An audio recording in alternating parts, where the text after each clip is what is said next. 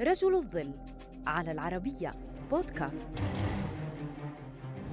رغم أن النازيين احتلوا فرنسا في عام 1940 إلا أن حركات المقاومة استمرت في القتال.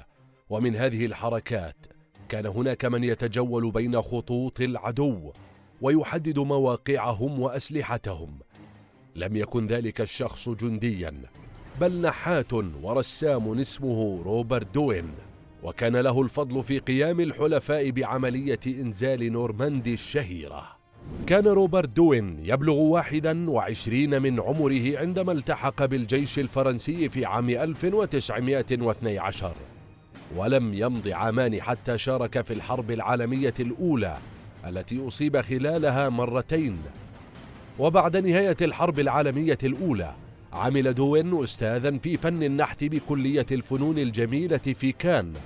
حتى أصبح مديرا للكلية في عام 1930 وبعد اندلاع الحرب العالمية الثانية سقطت فرنسا بيد النازيين والتحق دوين بفرقة جيش المتطوعين في حركة المقاومة وكانت مهمته تحديد مواقع الجيش الألماني. وبعدها بعامين التحق بشبكة المعلومات وتم تعيينه قائد المجموعة في منطقة كان. وبصفته مديرا لكلية الفنون الجميلة التي كانت تشرف على عمليات ترميم عدد من المواقع الأثرية في المنطقة تنقل دوين بالقرب من الدفاعات الألمانية في كان واستغل عمله لجمع معلومات حول مواقع وأسلحة ودفاعات الجيش الألماني.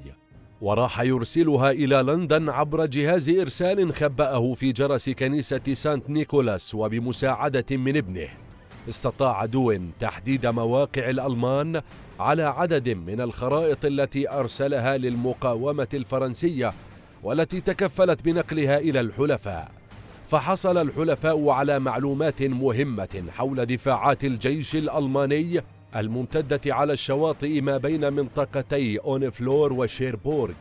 وكان لتلك المعلومات حول مواقع الألمان دور في تسهيل عمل الحلفاء في عملية إنزال نورماندي في يونيو عام 1944 وفي السابع عشر من مارس عام 1944 ألقت الشرطة السرية الألمانية القبض على دوين بعد كشفه من قبل عميل مزدوج.